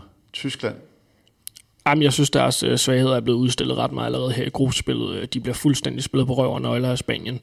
Øh, og deres bagspillere, de, de, de skaber simpelthen ikke nok. De er ikke dygtige nok til at, til at, at komme på kant og skabe situationerne. Øh, alt for ofte bliver, bliver det individuelt, og de bliver lukket til, ned til frikast. Øh, selvfølgelig også Spaniens fortjeneste. Men de slår altså også kun Letland med, med en enkelt scoring, og der var det lidt det samme billede, jeg så, øh, hvor hvor Letland var, var, var dygtig til at, at kontrollere de her bagspillere, inden de kom på, på skud og, og på brud. Øhm, og jeg, jeg savner en lille smule noget, noget top, top, top kvalitet i den her tyske bagkæde, for at det, det for alvor kan, kan lugte medaljer. Hvis Tyskland skal i semifinalen, bliver det formentlig på, på øh, kroatisk øh, bekostning. Der har været overraskende, øh, der var meget ballade inden bevares, men sådan under slutrunden, øh, Kroatien stille og roligt, har de bare vundet deres, øh, deres tre kamp. Øh, måske ikke sådan vildt spektakulært. En Dunjak har været rigtig, rigtig skarp i det her 5 spil som vi, som vi ved, han kan. Han har faktisk også budt ind i, ang, øh, ind i angrebet. Så er det jo altid spændende med ham, om man holder, øh, holder hele turneringen. Men øh, Simon, det du har set fra kroatisk side, hvor, øh, hvor stiller du dem? Er det, øh, ligner det en semifinal, så... Øh, jeg er i hvert fald spændt på, om de kan beholde den gode stemning her over de næste fire kampe, fordi som du selv siger, så har der været overraskende lidt ballade der. Øh, så må ikke, at øh, Tjeva han nok skal få sat fuld i et eller andet undervejs. Øh, jeg, jeg synes, at, at øh, de, har, de har faktisk overrasket mig en lille smule. Jeg synes, at deres forsvar har været, øh, det plejer at være rigtig godt med Dunjak foran, men jeg synes, at der har været nogle ting i det øh, den her gang, særligt omkring Dunjak, øh, som har været en lille smule bedre. De virker som om, de har været lidt mere afklaret på, hvad det lige er, de gerne vil når øh, de dækker det her 5-1. Øh, og det har sådan givet dem øh, en vis ro omkring deres angrebsspil, øh, og fået, øh, fået det afviklet. Øh, med, jeg, jeg synes ikke, at det er ikke sådan, at de er, øh, spiller i det, sådan det helt vanvittige tempo, eller, men, men de er rolige, og de øh, bearbejder øh, modstanderens forsvar rigtig godt, og sørger for at tilspille sig rigtig mange gode situationer. Øh, og så har de den her gode sikkerhed i deres forsvar, som, øh, som jeg tror øh, skal være, øh, ligesom med Spanien i øvrigt, skal være nøglen for, for kroaterne. Og så en øh, Stepancic, som de har fået integreret en lille smule bedre i deres spil, øh, har fald, været lidt mere effektiv, øh, effektiv end vi så i hvert fald til, øh, til seneste slutrunde, øh, som, jeg lige, som jeg lige ser det. Øh, og det giver dem vel også en ekstra dimension. De er jo stadigvæk sådan der kan man i hvert fald også snakke om, om et hold, som øh, det, er jo, det er vel mest på stregspillerpositionen i virkeligheden, at de skifter, især efter Strelik øh, altså ikke er med i truppen. Øhm, så det giver vel også god mening, at de, spiller, de har både typerne, og de har nogle hovedpersoner, som skal være friske, hvis, øh, hvis, de skal gå, øh, hvis de skal gå rigtig langt. Og igen, nu har vi nævnt Dunjak et par gange, hans, øh, hans problemer med sådan at holde niveau og holde sig frisk i sådan, gennem hele slutrunden, så er det vel også rigtig fint, at de netop spiller i det her lidt lavere tempo. Ja, men ingen tvivl om det. Man kan sige lige i forhold til Stepancic, så er han, er han jo lidt den her højre bak, de har, de har håbet på øh, skulle blive en helt øh, stor stjerne øh, på den position. Og nu har han så kommet med til den her slutrunde på grund af nogle skader, som den eneste højre bak, øh, Sebetic, blev skadet øh, kort op til. Øh, så han er jo tvunget til at, at præstere, kan man sige, og, og han kan også godt tillade sig at lave nogle fejl uden at ryge ud. Øh, for ellers så skal de til at spille med højre håndet på den højre bak. Øh, men han har gjort det rigtig fint indtil nu. Øh, jeg har også, ligesom Simon, været imponeret over det her forsvar. Øhm, det, det synes jeg ser, ser faktisk stærkt ud. Jeg, jeg troede, at det her hviderussiske hold ville kunne presse mere i hvert fald, end, end de var i stand til. Øh, og der, der, der imponerede de. Øh, man kan sige, øh, Dunjak i forhold til specielt hans offensive rolle, så har de jo to andre typer i Karasic og, og Centric, som jo ikke nødvendigvis er, er helt den samme type, man kan sagtens skadere, uden at de skal gå specielt meget på kompromis med deres spillestil, øh, da det er typer, der er skarp på de her øh, 7-8 meter og, og er giftige i, i deres vurderinger. Øhm, så der er mulighed for også at give Dunjak nogle pauser undervejs, øh, uden at niveauet falder. Øhm, så det, det er ikke et kroatisk hold, som jeg nødvendigvis inden har haft specielt stor fidus til at skulle nå helt op og skal spille med om, om at vinde øh, EM, men det er et hold, der har gjort det bedre i, i den, i den indledende pulje, end jeg havde regnet med. Og hvis vi lige et sidste hold, som jeg også godt kunne tænke mig at nævne i den halvdel, øh, Østrig, øh, er, er, er braget igennem Billig, Brusovic og Weber, havlermåling, de har scoret 98, mm. næsten mest scorende mål. De har selvfølgelig øh, fordel af, eller har fordele af en hjemmebane, men, men øh, Oliver, øh, hvad, hvad, hvad, hvad kan du fortælle om Østrig til dem, der ikke har, har fået set så meget, øh, så meget af lige op det hold? Jamen for lige kort og godt altså, deres øh, pulje færdig også, så, så har de jo været begunstiget af, at, øh, at være den, den på det papiret nemmeste gruppe.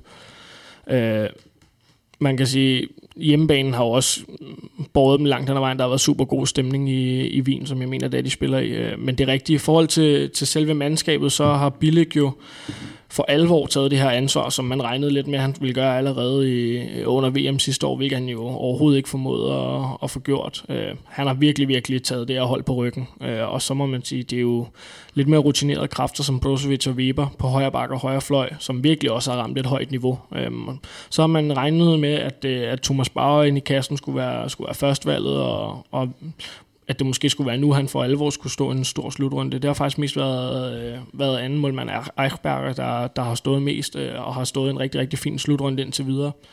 Øh, men det, det har været, når de kommer op, øh, to skytter i Bilic og, og Brozovic, der virkelig har bumpet kassen ind på strib. Øh, og de er jo videre med to point, øh, så det, det er klart, øh, og spiller på hjemmebane her i, i, i hovedrunden, så det, det, det er da helt klart et hold, der, der vil forsøge at, at drille de andre hold, men man kan sige, de skal jo så også møde Spanien, Kroatien og, og Tyskland nu. Øh, så det er også nu, vi får alvor at se, om, om Østrig har noget at, at byde ind med. Men øh, man kan vel ikke helt afskrive, at, at, øh, at Østrig øh, kan, kan drille... Øh, Altså som du selv siger, der er, der er nogle hold, der mangler at blive sådan testet for alvor øh, i, den her, i den her halvdel.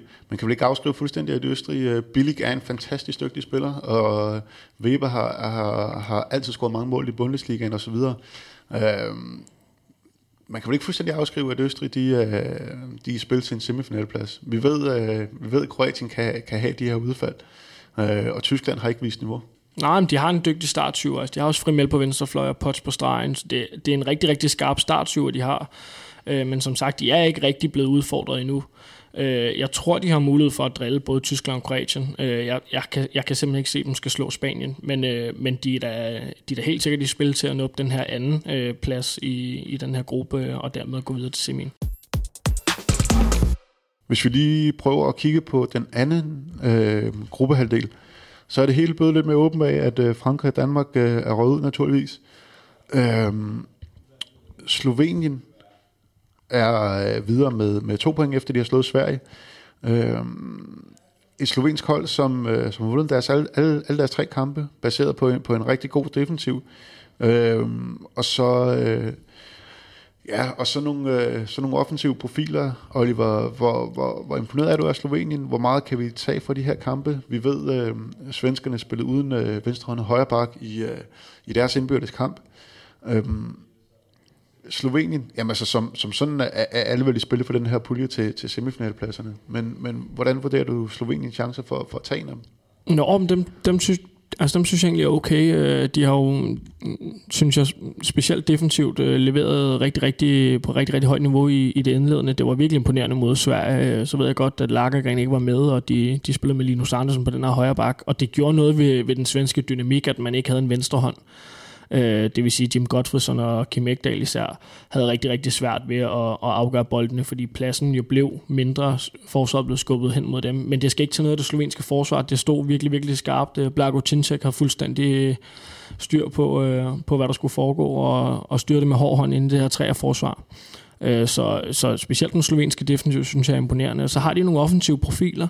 Øh, selvfølgelig Bombac øh, har, har som altid øh, leveret de her ting, hvor han er enormt dygtig til at, at vurdere, hvor, hvor bolden skal ende henne. Øh, gift, giftig på de her brud. Øh, og så har Jure Dolinic, øh, Barcelona-spilleren, virkelig, virkelig været været på et niveau, jeg ikke havde regnet med at skulle se fra ham. Jeg troede faktisk, at, øh, at blandt andet Blas skulle ud og, og, og trække nogle tunge minutter derude også. Øh, men han har virkelig, virkelig leveret på, på et fint niveau, så jeg synes, der er, nogle, der er flere ting i det slovenske spil, der har overrasket mig positivt. Ja, så har du slet ikke nævnt Sarbæk, øh, den øh, playmakeren fra, fra Kiel, som selvfølgelig også er en rigtig, rigtig dygtig spiller, så, så de har altså noget kvalitet, og så har de nogle af de her klassiske playmaker, som, som Simon måske øh, øh, sagde var lidt overstået, men, men ja, den, den er ikke lige noget til Slovenien nu. De bliver ved med at, at spytte de her fantastiske playmaker ud, og ja, altså, vi har jo også øh, et par skube øh, brødre, som, øh, som heller ikke er med. Altså, det, ja, Be- Marco Beschak i, i Magdeburg, de kan, de kan jo få gris med, med playmaker, som Frankrig kan gøre det med højrebacks. Øh, det,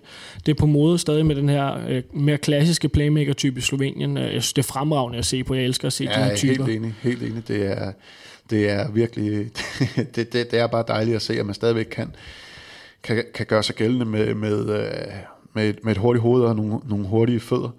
Øh, nu nævnte vi Sverige. Øh, selvfølgelig et hårdt slag for dem, at øh, Albin Lagergren, øh, vi ved ikke helt præcis, hvad der er galt, men, men det vi ved er i hvert fald, at de to sidste kampe har han slet ikke set banen, øh, og har i store perioder spillet med en, med en højrehåndet højre bak det tager vel, øh, det tager vel øh, lige, lige toppen af, det, af, den, af den svenske offensiv.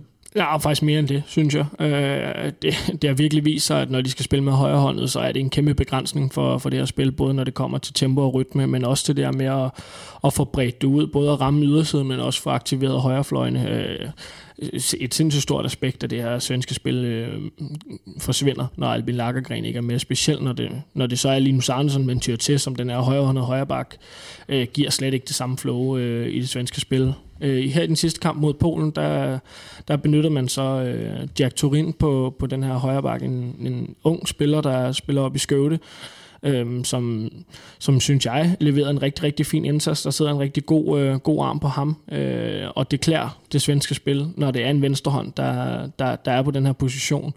Øh, der kommer lidt mere flow, der kommer lidt mere rytme i det. Øh, det, det tror jeg, jeg vil tyde mere til, hvis jeg var svær øh, rent offensivt, øh, i stedet for at bruge Linus Arnson, som jeg synes er en lille smule undskyldt, øh, kommer, kommer slet ikke til sin ret med, med blandt andet det her øh, tofodsafsæt, som han, øh, han mester i midten. Øh, ja, synes, jeg er lidt fejlkastet til at skal spille den her højre bak.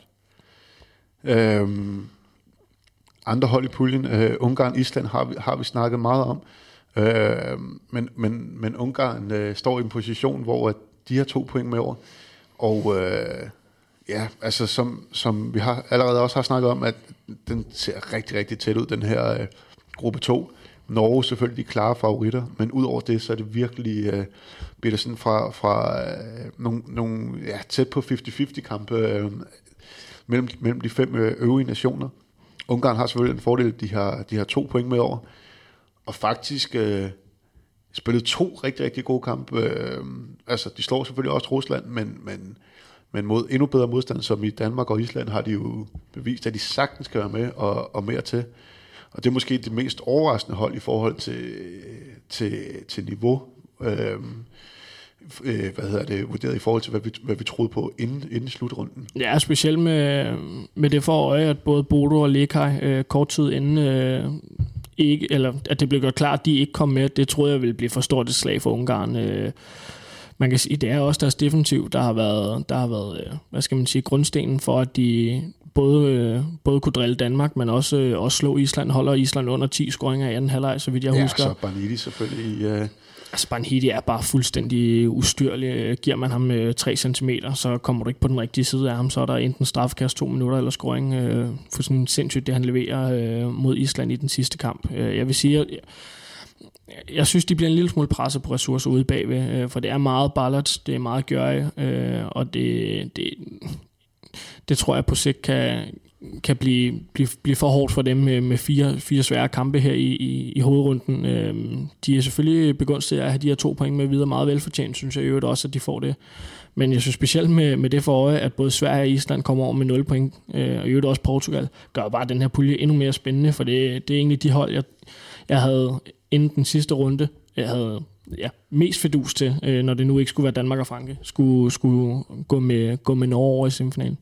Og så bare et generelt fedt mix af spillestil, der er i, i den her gruppe, med øh, ja, de her meget øh, hurtige væver portugiser, de, øh, hvis, vi, hvis vi sådan lidt... Øh, gør det lidt karikeret, øh, den her slovenske, øh, de, her, de her slovenske playmaker, som, som dominerer meget den måde, de spiller på. Øh, Island, der, der, og igen, det skal jo ikke reduceres kun til det, men, men som bare har den her fantastiske, fantastiske mentalitet, og det meget systematiske svenske hold osv. Øh, sindssygt spændende at se, hvordan de matcher op mod, mod hinanden.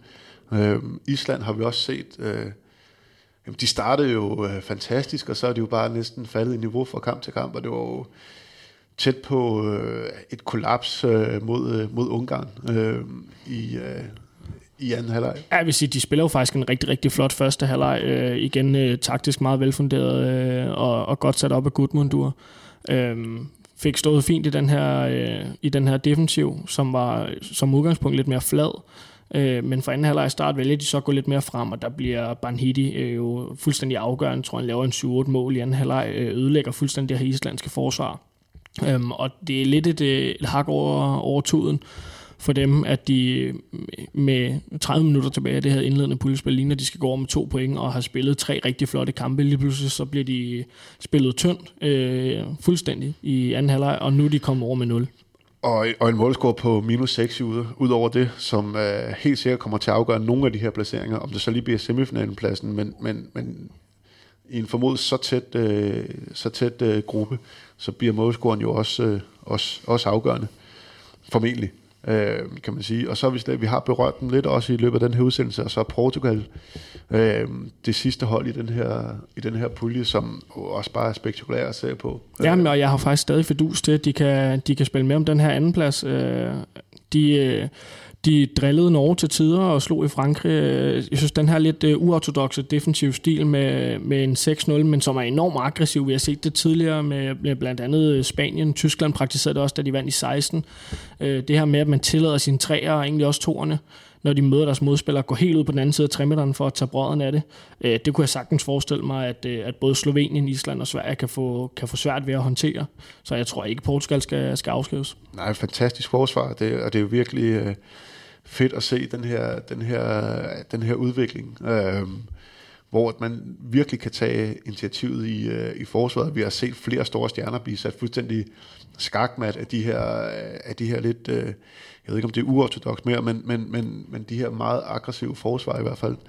Øh, ja, så vild, vildt spændende gruppe 2, hvor det måske stadigvæk peger lidt mere i retning af gruppe 1 i, af, af, af Spanien og, og Kroatien, og så med, med, med Østrig til at måske at kunne drille lidt. Ja, jo egentlig lidt sjovt, øh, fordi vi, vi troede vel egentlig, at, at den, den anden pulje ville blive den, så at sige, øh, lidt kedelig, hvor øh, man havde fordus til, at Spanien ville tage den ene, og så måtte Kroatien og Tyskland slås, og så i den anden, den ville måske knække lidt, fordi man regnede med, at man ville få Danmark og Frankrig med over. Det er jo fuldstændig åben nu. Nu kan nærmest samtlige, øh, nærmest samtlige seks hold øh, gå i semi. Det er super spændende. Jeg er meget, meget spændt på, at den her hovedrunde, den, øh, den bringer med sig. Jeg tænker umiddelbart, at Norge i hvert fald havde, havde solgt den inden, hvis, hvis vi havde fremlagt den her, den her mellemrunde for dem, inden, inden, inden den skal til at starte. ingen tvivl om det. Men nu har vi snakket i, i rigtig lang tid, og nu er morgen næsten blevet til formiddag. Men øh, det, er jo, det er jo fedt, at vi får lov til at, at kunne snakke endnu mere om de her hold øh, fremtiden, hvis man skal se noget positivt i, i Danmarks øh, exit. Og sådan helt objektivt kan det blive en øh, virkelig, virkelig øh, fed slutrunde. Der er i hvert fald allerede øh, sket en hel masse på de tre første kampe, hvor vi er vant til at under de her slutrunder, at der lige går nogle dage, før det bliver, bliver rigtig spændende, så er den her bare leveret fra, fra dag et. Og øh, Ja, øh, vi sætter os selvfølgelig til mikrofonerne igen i løbet af nogle, i løbet af nogle dage, og skal vende, hvad der, hvad der kommer til at ske her i de, øh, i de første runder, og det gør vi med hjælp fra Sparkassen Kroniland, som er med i, med i hele 2020, og det er vi selvfølgelig meget, meget, meget glade for. Øh, og ellers er der vel ikke så meget andet at sige i dag, end øh, vi lyttes ved om nogle, øh, om nogle få dage, og øh, tak for i dag.